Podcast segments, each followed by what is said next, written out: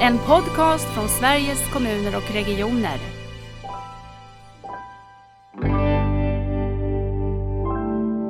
Ja, det här första mötet när man kommer till, som det var nu då, minnesmottagningen, att man blir sedd.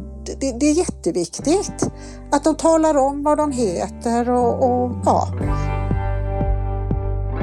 Kunna lägga en, en bild som är precis så, så perfekt som alla vill ha, det är jättesvårt. För att det, när vi, om vi berättar för mycket så är det fel eh, för en person och berättar vi för lite så är det fel för en annan.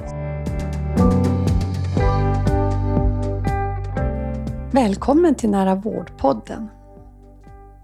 Visste du att det är 160 000 personer i Sverige som lever med en kognitiv sjukdom? Idag i Nära vårdpodden så ska vi prata om personcentrering, om att se och ta vara på förmågor, om specialistsjukvård och primärvård och hur de behöver hänga ihop och mycket, mycket mer. Så varmt välkomna till Nära vårdpodden Lisa Agerling och Moa Wibom. Tackar. Tackar, tackar. Jag är jätteglad att eh, ni vill vara med och jag tänker att vi börjar direkt med att ni berättar vilka ni är så får lyssnarna veta det. Lisa, berätta, vem, vem är du?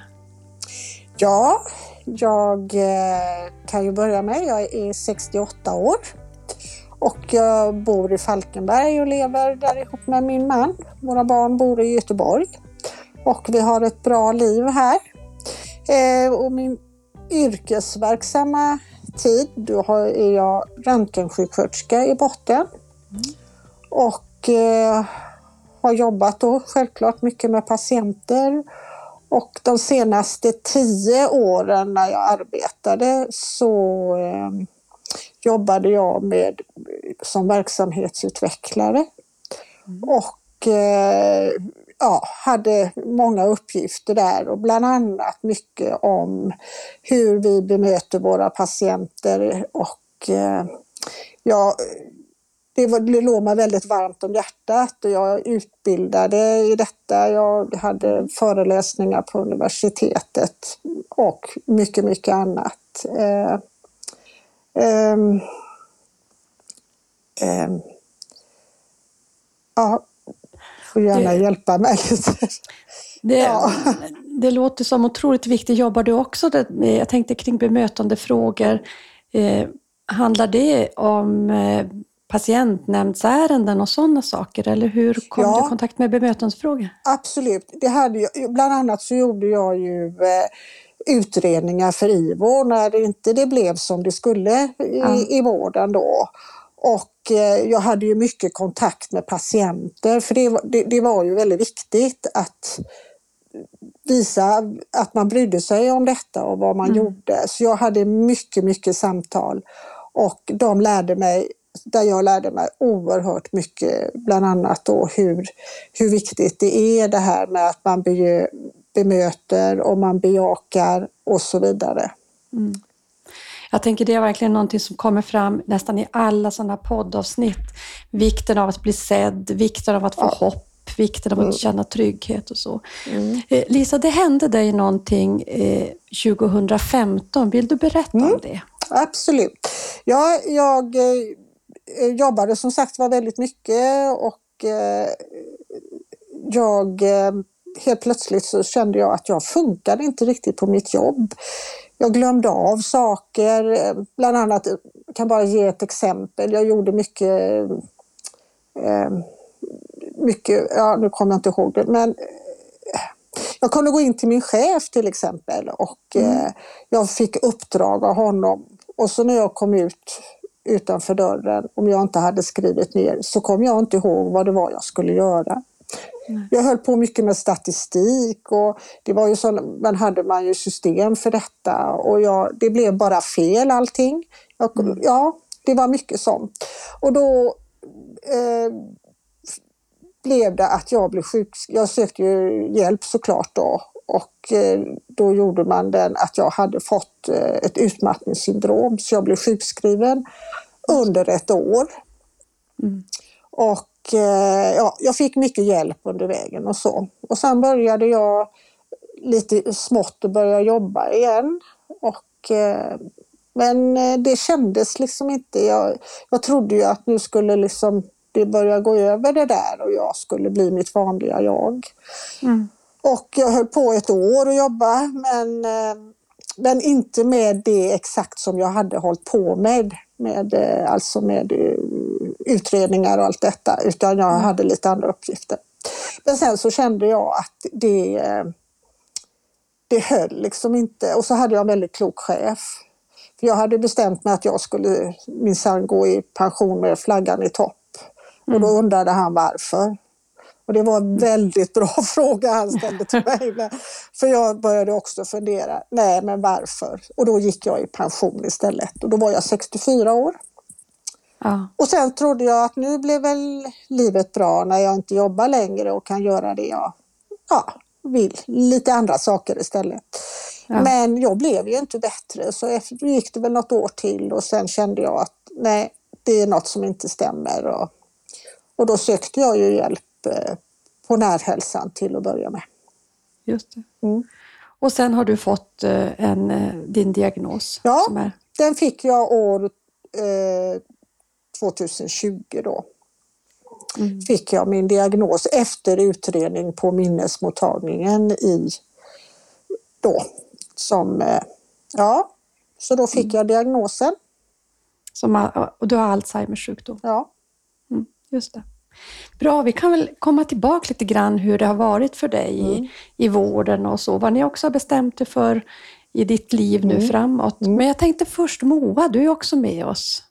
Vem är du då?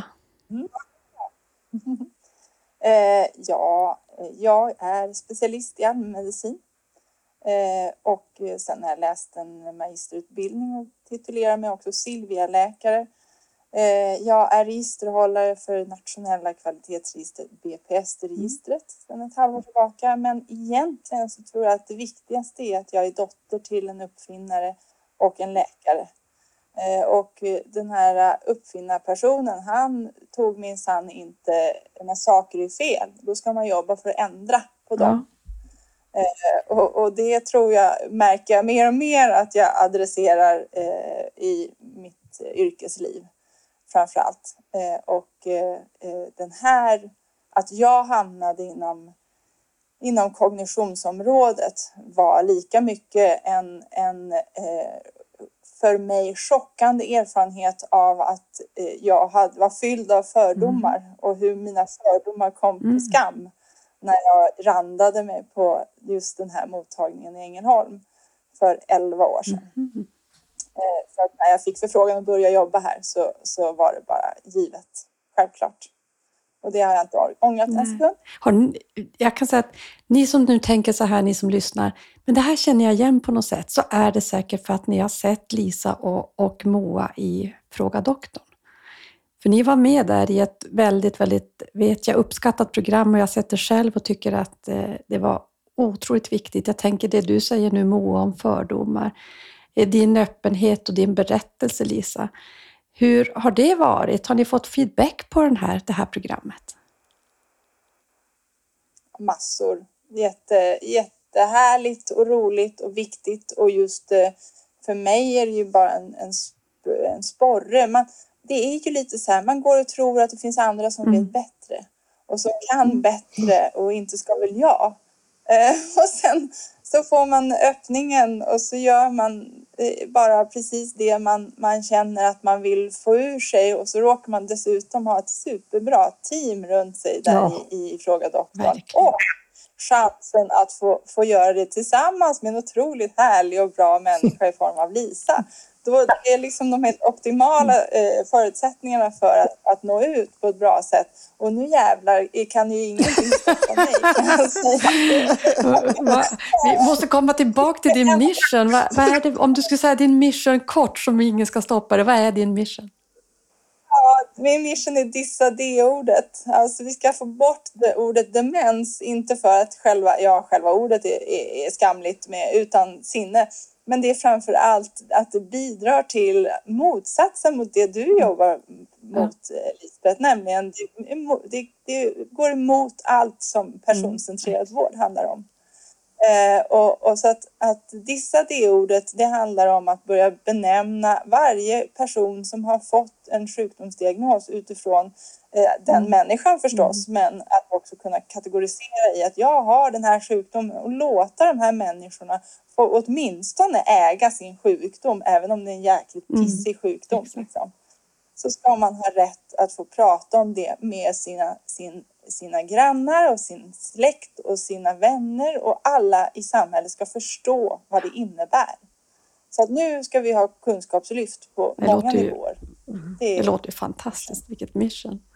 Men Lisa, hur har, hur har det varit för dig efterfrågar doktorn? Har du fått någon respons? Oh ja, hur mycket som helst.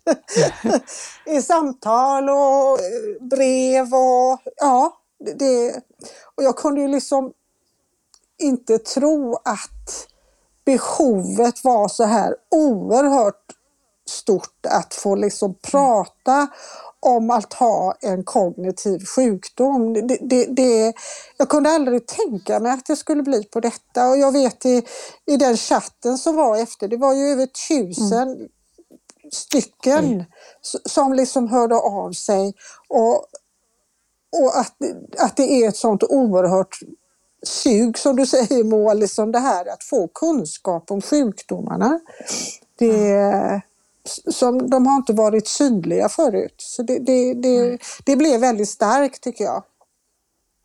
Ja, du berätta också om något eh, möte, några som hörde av sig till dig och ville gå och fika ja. eller? Berätta om det. Ja, eh, ja det var två eh, män som, som ringde mig och de kände inte varandra eller någonting. Jag bor ju i en liten stad och så. Men de mm. hade ju tagit reda på mitt telefonnummer och de ringde och frågade om, för de hade då fruar som hade Alzheimers sjukdom, om vi kunde träffas och prata. Mm. Den ena paret, de var, mannen där var över 90 år och frun var 89. Så där var jag och hälsade på. Vi drack kaffe och pratade om allt möjligt, om livet och ja, allt möjligt. Och det andra paret var eh, där eh, mannen uttryckte det så att hon var lite, hade dragit sig tillbaka och han ville också ha liksom samtal. Så vi har varit ute och vi har, de har varit här och hälsat på oss. Och, ja, ja, så det är fantastiskt. Vi har fått nya vänner. Ja. Som är då i våran ålder och, och liksom så. Jag visste vem han var från förut och så. så att, ja. Jag tänker på eh, det här, den internationella rörelsen Patients Like Me. Vikten av att också få prata med någon som mm. eh, går igenom samma sak. För Moa, du och jag som kommer från vården, vi, vi kan ju mycket om saker men vi har aldrig varit i just den situationen. Mm. Vad tänker du Lisa, tror du att eh, eller det är kanske en retorisk fråga, vad spelar det här för roll att också kunna gå och fika tillsammans med dig och eh, ja, det är, få möta? Ja, det är jätteviktigt och jag, jag kände efter det mötet eh, med den andra familjen då som jag träffade, de som har varit här också hos oss. Och jag, I början, den kvinnan hon pratade liksom inte så mycket men när vi sa hej då så såg jag ett stort äkta leende. Och då kände mm. jag yes, jag har liksom nått fram lite granna och det här att våga prata om det. Mm. Moa, jag blir också nyfiken. Du är specialist i allmänmedicin. Du jobbar inom den specialiserade vården. Eh, hur tänker du på din din roll idag, vad spelar du för roll? Jag tänker runt den enskilde, om man tänker personcentrerat. Vad, vad blir din roll i hela det här vårdpusslet, eller vad ska jag säga, vårdnätverket som finns, finns runt en person? Ehm, vi har ju jobbat eh, länge på min mottagning som jag också är enhetschef för, kognitiv medicin i Ängelholm. Eh, vi har jobbat länge med just primärvården eftersom vi alla specialister här på mottagningen tycker mm. primärvården är världsbäst och, och vet alla hur det är att jobba där. Vi är två specialister i allmänmedicin, vi blir snart eh, en tredje också.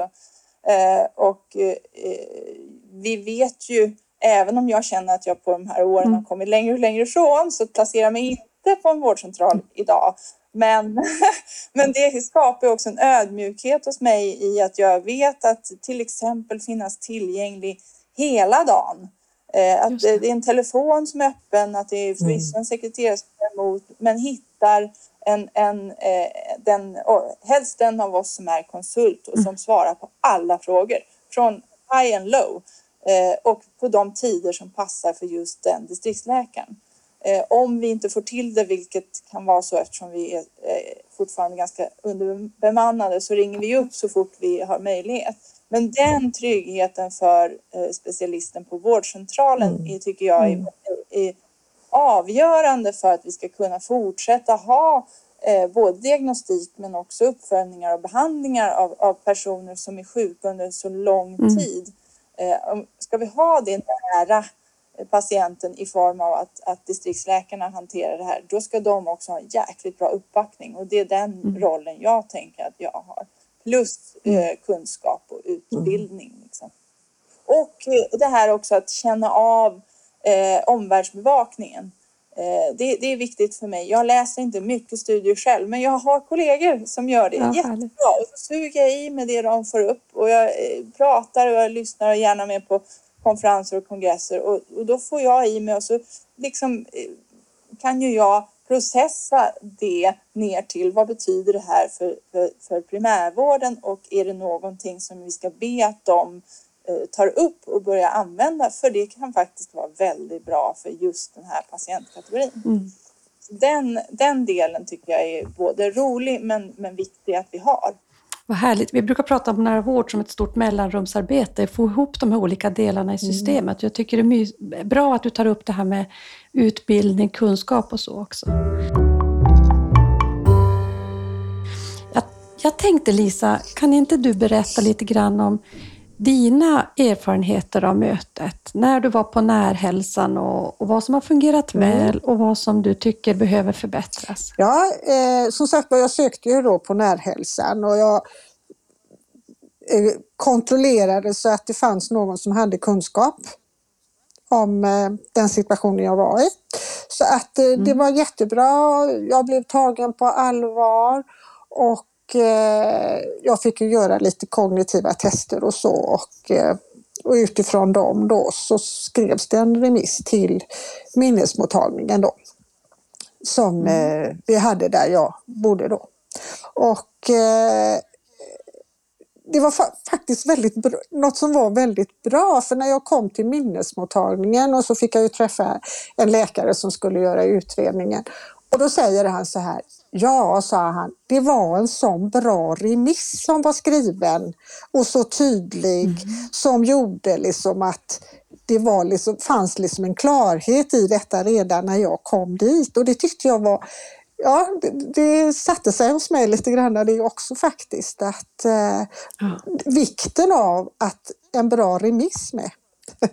det var en liten, mm. kanske en liten eh, sidospår men eh, så att utredningen gjordes och eh, jag blev väldigt väl mottagen utav alla och de informerade mig om vad som skulle göras och, och så. Jag hade ju lite förmånen av att jag jobbat inom sjukvården så att eh, det var liksom lättare för mig kanske att förstå vad en lumbal funktion var och så vidare. Så att, eh, mm. ja. Och sedan då så blev jag ju kallad, när allting var, detta var genomfört då så blev jag ju kallad för att få min diagnos eller få berättat vad som, vad som fattades mig. Och eh, så då var ju min man med mig. Det blev jag ju, eh, sa man ju till mig att eh, man skulle ha en anhörig med sig. Så min man var med då. Och då mm. fick jag ju min, min diagnos. Och eh, mm. ja, det var tungt. Jag vet att, ja det förstår jag att det var. Eh, jag tänker på det du beskrev som, som fungerar bra där på närhälsan. Du pratade om att du kände dig, ja, dels att du bad om att få någon som hade mm. kunskap om det mm. här. Eh, det tänker jag var ju ganska starkt av dig att, att begära det. Och det kanske har med ja, din jag tror det. Jag tror det. Ja. ja. Men sen också, du hade en kontaktsjuksköterska, du kände dig trygg. Vad var det där i närhälsan som gjorde dig trygg? Ja, där hade jag ju ingen kontaktsköterska så, utan det, det var... Men det, det, utan det var ju mer sedan när jag var på minnesmottagningen. Då, ja. minnesmottagningen. Mm. Att jag kände, jag hade ju en, en kontaktsköterska som sagt var. Och, ja, de var om jag säger så, de var väldigt gulliga, om man säger så. Att, att, liksom, mm. att en vänlighet och, och försökte liksom informera mig där och så. Och liksom lite grann tog hand om mig. Så det, det kändes väldigt bra. Mm. Mm.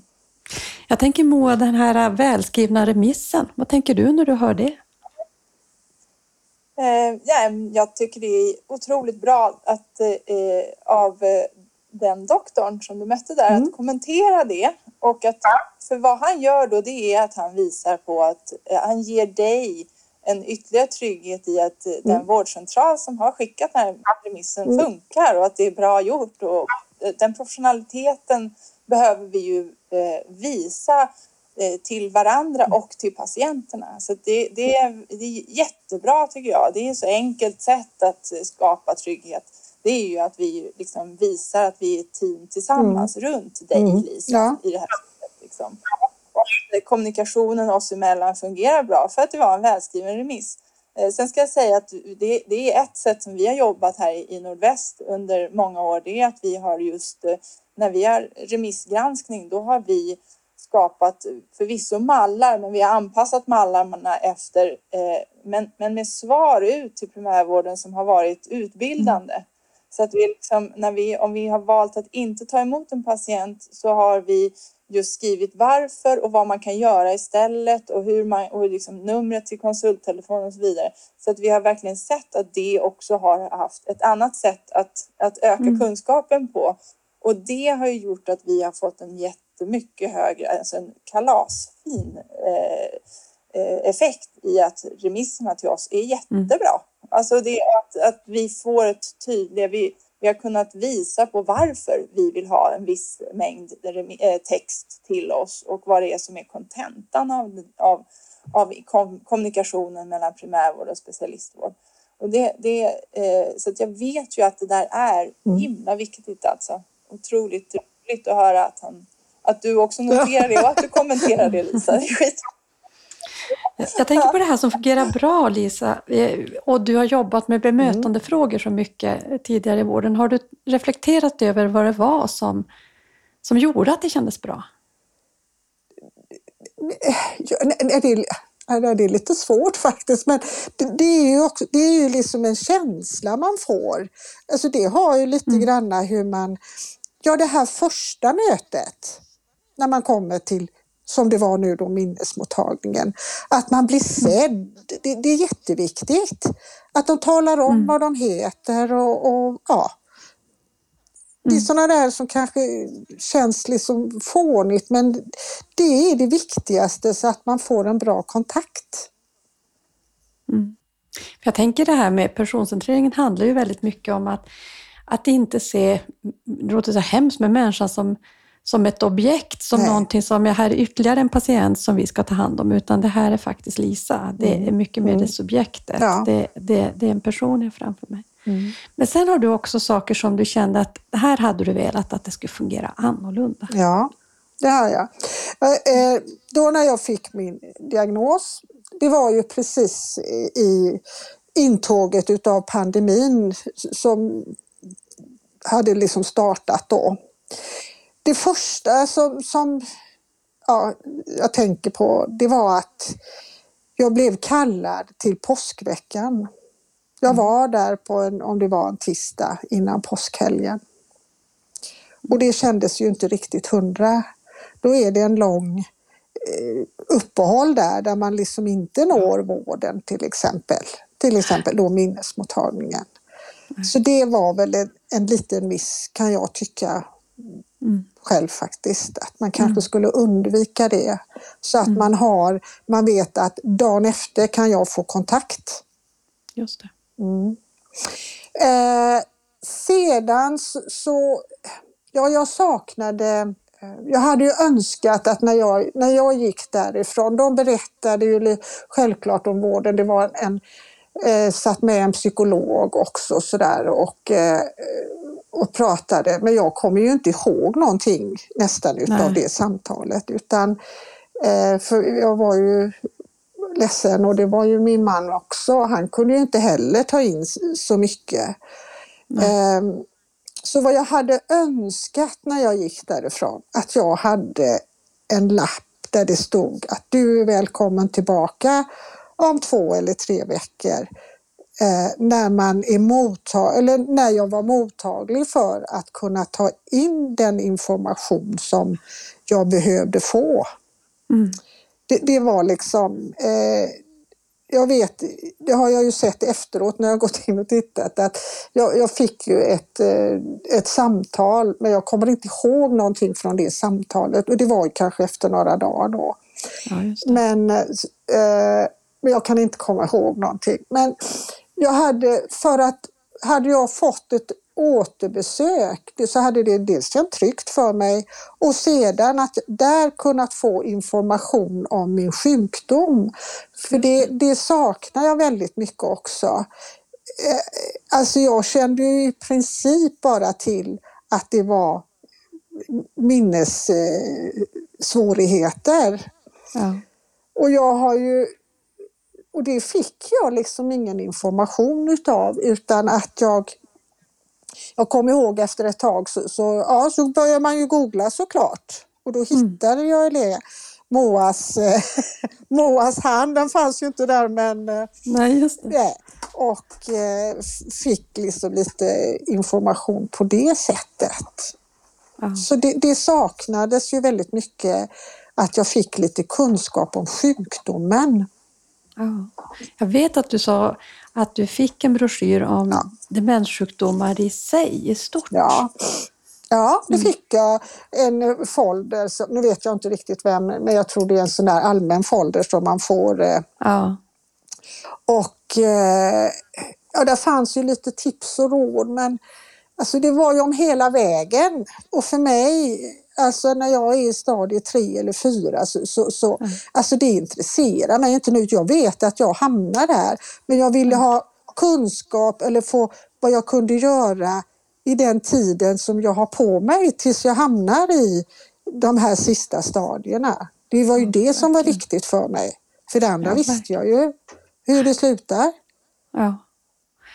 Det otroligt viktiga, tycker jag, insikter. Hur tänker du Moa när du hör Lisa berätta det här? Vad kan vi göra i vården för att möta det här på ett annat sätt? Nej, men ni kan ta copy-paste på kognitiv medicin i Ängelholm. Vi är inte ofelbara, men vi har ju arbetat i 10 år, 11 år helt utan demensbegreppet. Eh, vilket betyder att vi inte har klumpat ihop folk, utan vi har försökt att se folk utifrån den de är. Men eh, eh, har man fått en sjukdomsdiagnos så ska man få information om det. Och vi har skrivit egna patientinformationer om, om de fyra stora, största eh, sjukdomsgrupperna eh, där vi faktiskt vänder oss, har en under eh, först information om själva sjukdomen och kognition, de sex kognitiva domänerna eller förmågorna eh, och vad det innebär och sen dessutom en sån punkt som heter vad kan jag själv, vad kan du själv göra eh, vad kan du och dina anhöriga göra? Eh, något sånt står det på som, som och så är det punktvis liksom att eh, skaffa dig mer in, kunskap och, och prata med omgivningen och så vidare. Så det, vi har helt enkelt eh, tagit fram material på egen hand och undviker att använda de här ihopklumpande broschyrerna som, som, som finns eh, framtaget från olika eh, ja, Svenskt Demenscentrum och, och liknande eh, som, som gör sitt på så bra de kan men det är fortfarande inte i närheten av pas, eh, personcentrerat. Och sen är det en annan sak, jag föreläste på Svensk förening för kognitiv medicin för det är snart två, nej ett och ett halvt år sedan i en föreläsning som heter behandlande kommunikation. Och det jag ville lyfta då var att vi redan idag sitter på en enorm mängd information som varje individ har rätt att få, men som vi av någon outgrundlig anledning inte ger för att vi fortfarande vänder oss till ja, i, i Lisas fall så skulle man vända sig till, till hennes man Stefan och till Ja. sönerna och prata med dem för att man liksom nedvärderar den som är sjuk direkt så fort diagnosen kommer, vilket är otroligt märkligt. Men det händer hela tiden idag. Eh, och poängen är just till exempel en sån enormt enkel sak. Vi tar, jag säger till alla här som går härifrån ska ha ett A4, ett vitt A4 i handen. Där står Lisa och så står det eh, 22.03.30 dagens datum och så står det eh, bra jobbat på testningen, eh, lite svårare på minnessidan, du har lite problem med uppmärksamheten men de övriga förmågorna är bra. Eh, och sen så står det utredningen visar sammantaget Alzheimers sjukdom, oförändrad medicinering eller vi startar. Fortsätt ditt aktiva liv. Det kan inte kallas för en vårdplan, men det är information som du har fysiskt i din hand och kan titta på. Du kan fota det och skicka till dina anhöriga. Eh, det är liksom superenkelt och det är eh, eh, liksom från noll till nästan max för, för den som får det. Och jag har ju patienter som kommer med liksom plastfickor med, med mina papper sen liksom två år tillbaka och, jag, och så tittar man så bara, ja det är ju inte någon större förändring på de papperna. De är så nöjda och så glada och tycker att det där är, är kalasbra liksom. Och det, det är enkla modeller helt gratis. Det tar några minuter och det fina också, det är när man sitter och skriver, när jag skriver om där, då blir det en liten några minuters tystnad och paus. Eh, då alla i rummet, eh, anhöriga och patient och sjuksköterska om hon är med, får sitta och tänka igenom det här besöket som vi just har varit. Som jag gör ju det när jag skriver det här. Och den pausen är både trygghet, det är värme, det är, kan vara sorg, det kan vara eh, ett en, en tillfälle att processa det man har fått i sig och ställa frågorna. Då kan det vara så att frågorna kommer eh, liksom efter den här lilla pausen. Fantastiskt. Så, så otroligt effektivt. Jag jobbar likadant på primärvårdssidan fast då fick det gå lite fortare och så använde jag britspappret och så ritade jag upp en bild av ett knä. Och så visar jag här är, här är liksom eh, kollateralligamentet och det är här du ska smörja den här salvan. Och så skrattar jag åt, eller skrattar jag patienten åt när man kommer till apoteket och vecklar upp en bit av pappret liksom. Och sen, apotekspersonalen om den där sa- salvan som man skulle köpa. Vad, vad tänker du. Lisa när du hör det? Jo, men det, det låter jättebra. Jag får säga att jag, jag var nyligen, jag har ju flyttat på mig från eh, en region till en annan. Och eh, så var jag på besök på minnesmottagningen där jag nu bor då. Och där var det faktiskt, det var lite utav detta då när jag hade gjort eh, tester och sånt och berättade och ja, både det som var bra och det som inte fungerade så. Så jag känner igen det. Mm. Vet, Ja. ni, vet, vet ni vad jag, jag tänker på? I, man har, i, I vårt arbete med personcentreringen i nära vård så pratar vi väldigt mycket om en gemensam överenskommelse. Att likväl som vi kan titta på journalen på nätet så borde vi också kunna i papper eller framförallt, och för de som kan, på 1177 hitta det här. Vad var det jag skulle kunna göra för mig själv? När var nästa besök? förhoppningsvis de fasta kontakterna och kontaktnummer till dem. Allt det här som du säger Moa, att vi hade det samlat och att det också var en del av vårdprocessen som det är hos er. Så jag tänker när jag hör dig berätta att, det, Moa, att ni gör det som man idag kallar gemensam överenskommelse eller patientkontrakt. Och att det är så, det ger ju också makt. För jag funderar mycket på precis det du tar upp Moa, att vården sitter och håller på kunskap. Varför ska vi hålla på den? Den måste ju delas med den som har eh, nyttan av den.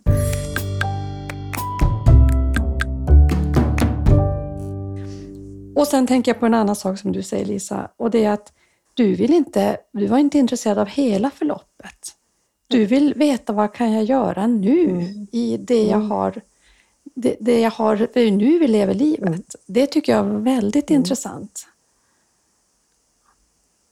Ja, och det är det som, som är mycket av den här eh, och, och som, som kan ge oss lite driv, lite dragkraft här. Att det, att det just rikta om oss från att och, och köra ner i demensdiket hela tiden och prata om boende och allt det här. Och, och det är anhörigas sjukdom som är så provocerande så att man blir... Det är så fruktansvärt jobbigt att vara anhörig alla gånger. Det är fortfarande mm. inte de som är sjuka.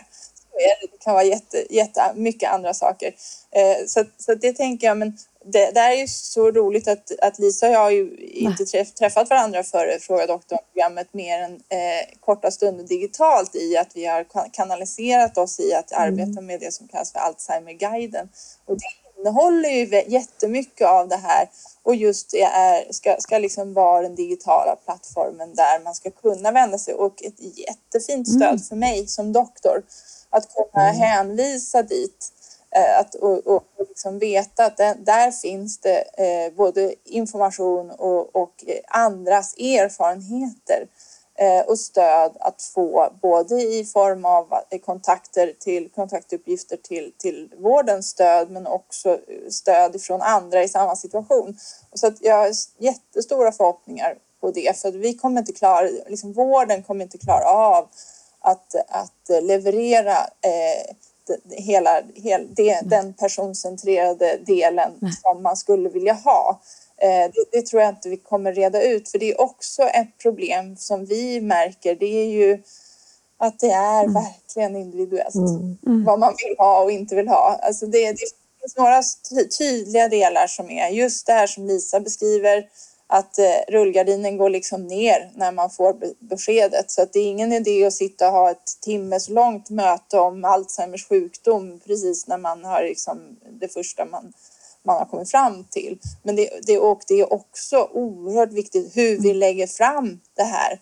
Alltså att det finns ju inte ens för dig Lisa så är det så att det är en hundraprocentig mm. diagnos utan det är ju så. Mm. Det, det, är en kvalificerad mm. av olika grad kvalificerad gissning och att vi i vården är noggranna med språket att vi pratar om att på distriktsläkarsidan på primärvårdsnivå så kan vi bara komma till, till mm. nivån möjlig mm. Alzheimers sjukdom. Eh, Medan jag som har ryggvätskeprov mm. kan komma till sannolik eh, mis, med, eller kognitiv sjukdom av sannolik Alzheimer typ. Och det är viktiga ord. Som du sa mm. så, så, Lisbeth, så, så, mm. så, är det liksom det som förmedlas mm. i vår journal mm. Är, är viktigt Verkligen. att vara nogsam med det. Så att möjligt sannolikt definitivt har vi bara vid genetik eller när vi vet att vi har en mutation eller när vi faktiskt har eh, material från en obduktion, ja, en PAD-resultat. Eller obduktion eller att vi har tagit ett, ett vävnadsprov mm. när vi har gjort en annan operation till exempel. Så den, den, eh, det, det, är så många delar men, men att kunna lägga en, en bild som är precis så, så perfekt som alla vill ha det är jättesvårt. För det, när vi, om vi berättar för mycket så är det fel mm. Eh, för en person och berättar vi för lite så är det fel för en annan. Vi måste hitta en bra väg men som, som det är upplagt i Sverige idag så är nivån så otroligt mm. låg eh, generellt. Och jag är lite kaxig för nu, jag, jag har suttit mm. i flera år och tänkt att andra gör det bättre. Men nu Får jag, jag bara inflika där? Jag tycker med att det, det, är så att det är så olika inom landet hur man eh, ja, hur man gör när man ska, ja, med diagnoser och sånt, att det skulle finnas mer, att det ska vara lika över landet, att man ska kunna få samma mm. vård oavsett var man bor. Mm. Ja, självklart den, den rätten till samma diagnostik, ja, samma ja. kunskap som ja. jag tänker att du sitter på MOA. Och, och, också kunskapen om hur man personcentrerar mötena, för jag tycker det är som ni båda pratar om. Det handlar ju ändå om att vara intresserad av dem jag just har framför mm. mig. Hur mycket vill jag mm. veta? Vad är bra för mm. mitt liv? Var hämtar jag kraften? För man ska ändå leva kvar med den kroniska sjukdomen under lång tid, den långvariga sjukdomen. Och då är ju hoppet och kraften så viktigt, tänker jag. Att vi också ser det som en del av det vi ska förmedla.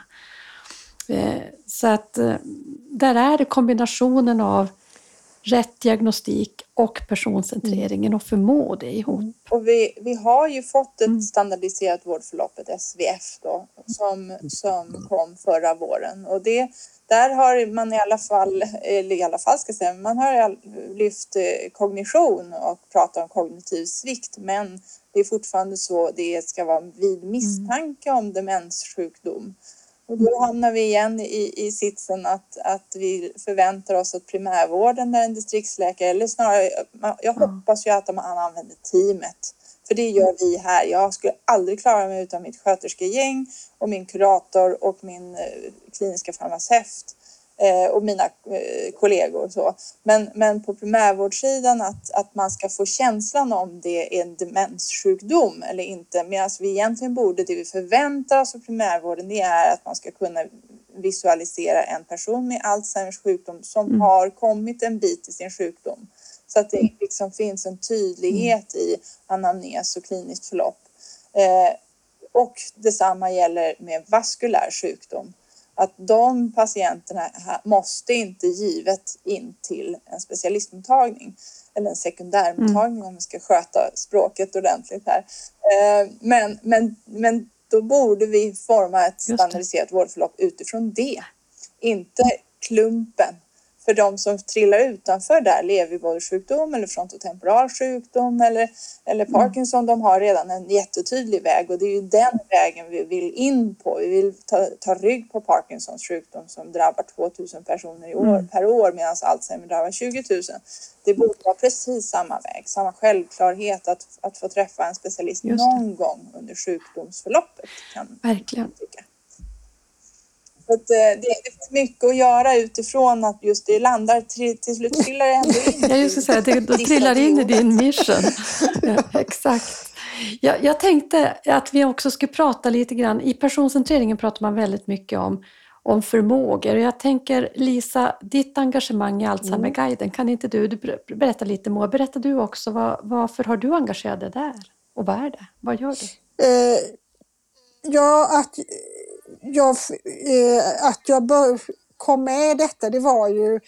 Jag fick ju se detta av en slump egentligen bara att eh, man höll på att jobba med detta. Och i och med att jag har jobbat med det själv så, så eh, kände jag att det här vill jag vara med i och kunna påverka och samtidigt var det också ett eh, sätt för mig att se att jag klarar av det, att jag fortfarande är på banan. Det var också liksom viktigt. Så det var olika mm. anledningar till att jag gick med och det är jag ju jätteglad att eh, jag har gjort då och eh, får vara med och påverka. Och vi är en jättebra grupp och de som leder Alzheimerguiden är fantastiska och är så engagerade. Mm. Så det, och det känns att det händer saker. Och det, ja.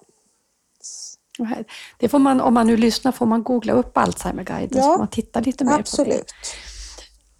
Jag tänkte också, på tal om förmågor, så tyckte jag att du hade i Fråga doktorn, Moa, en sån här illustration av att eh, när man då använder det ordet och, och, så tänker man demens, så tänker man alltid att det är oförmåga på något sätt. Kan inte du bara säga kort om det? Eh, ja, alltså jag har tagit fram en modell utifrån DSM-5 som är diagnoskriterierna som, som vi har vid sidan av ICD-10. Eh, det är de sex förmågor vi har och jag har gjort det superenkelt för att vi alla ska komma ihåg att demens, det behöver vi inte prata om överhuvudtaget. Men däremot kan vi känna att det rycker lite i vår högerhand när vi hör det ordet. För då vill tummen vill upp och illustrera uppmärksamhet. Pekfingret vill illustrera exekutiv förmåga, alltså att besluta, ta beslut, planera och utföra handlingar och även ha ett arbetsminne. Medan alltså långfingret, fulfingret, det är minnet. Ingen glömmer minnet. Eh, ringfingret gör att vi ringar in språket som också är en oerhört viktig förmåga som vi inte tänker på så mycket men att förstå vad som sägs lika mycket som att formulera orden är en kognitiv förmåga. Och lillfingret, lilla Vicky Vire springer vilse ibland. Det är alltså orienteringsförmågan eller visuspatial förmåga, alltså former, siffror, eh, att hitta att eh, kunna trockla in en arm i en tröja eh, och så vidare. Och alltihopa sätts ihop med den sjätte förmågan som är så himla viktig för den kan täcka över om mm. vi har problem mm. med de, med de fem fingrarna. Så täcker handflatan eh, in och det är den sociala förmågan.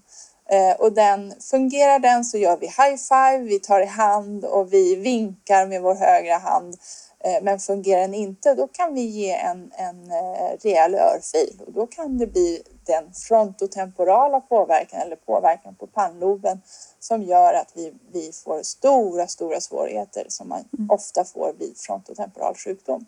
Och om vi har hamnat så att vi inte har några kognitiva förmågor kvar alls, då blir det den knutna lilla näven eh, som, som liksom inte har någonting kvar. Och det kan ju lite grann illustrera när vi är i ett sådant läge i sista, sista slutändan då vi inte kan förmedla oss med omgivningen och vi har mm. vårt egen, är kvar i vår kropp. Eh, så det, det är ett sätt mm. för att undvika att vi bara klumpar ihop utan vi snarare lyfter. För om jag vet att det just mm. kan vara Lisas problem att hon tappar ord ibland, då är det mycket lättare för mig att vara lite att stötta upp just. där. Och då kan Lisa få känna sig hel. Att jag kan mm. backa upp och hjälpa till. Precis, för jag tänker ju så mycket för att söka icke-förmågorna i vården. Ja. Att också se mm. förmågorna. Mm. Och jag tänker, en, eh, vi ska alldeles strax avrunda, det var så spännande samtal att få prata med er. Eh, jag tänker Lisa, du har ju valt att vara så öppen. Mm. Ja. Eh, var det självklart för ja, dig? Ja, det var det. Jag är väl en sån person också, ska jag väl. Det är att vara öppen med saker. Så det, det, det var jätteviktigt för mig att det var ju ett behov att få prata om det såklart. Jag hade det behovet. Mm. Och, mm. och sedan att det skulle också underlätta för mig själv lite grann att eh, folk förstod varför ja, det inte funkade ibland. Och sånt där. Jag behövde liksom inte förklara så mycket när jag hade varit öppen och berättat då, för de som Nej. jag ville.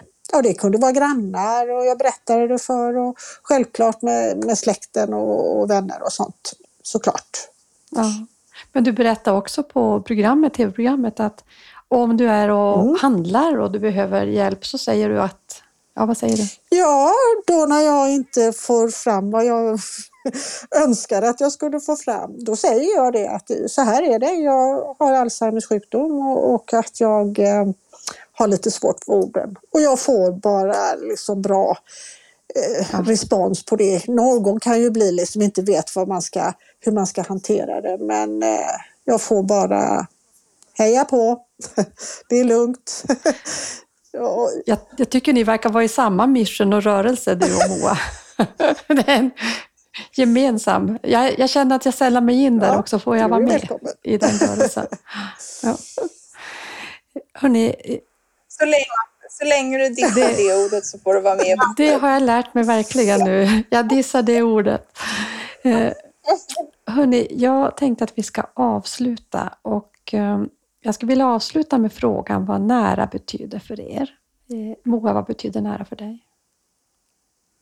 Eh, nära betyder eh, värme, men eh, också en avstånds, eh, ett, ett, avstånd, en värdering av ett avstånd, men jag kan vara väldigt nära en person som befinner sig väldigt långt mm. borta också.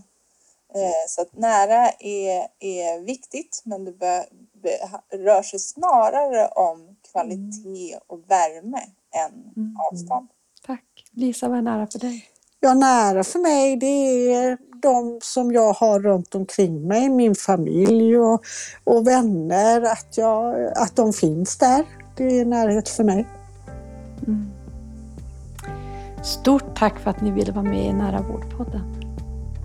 Tack. Tack. Tack själv.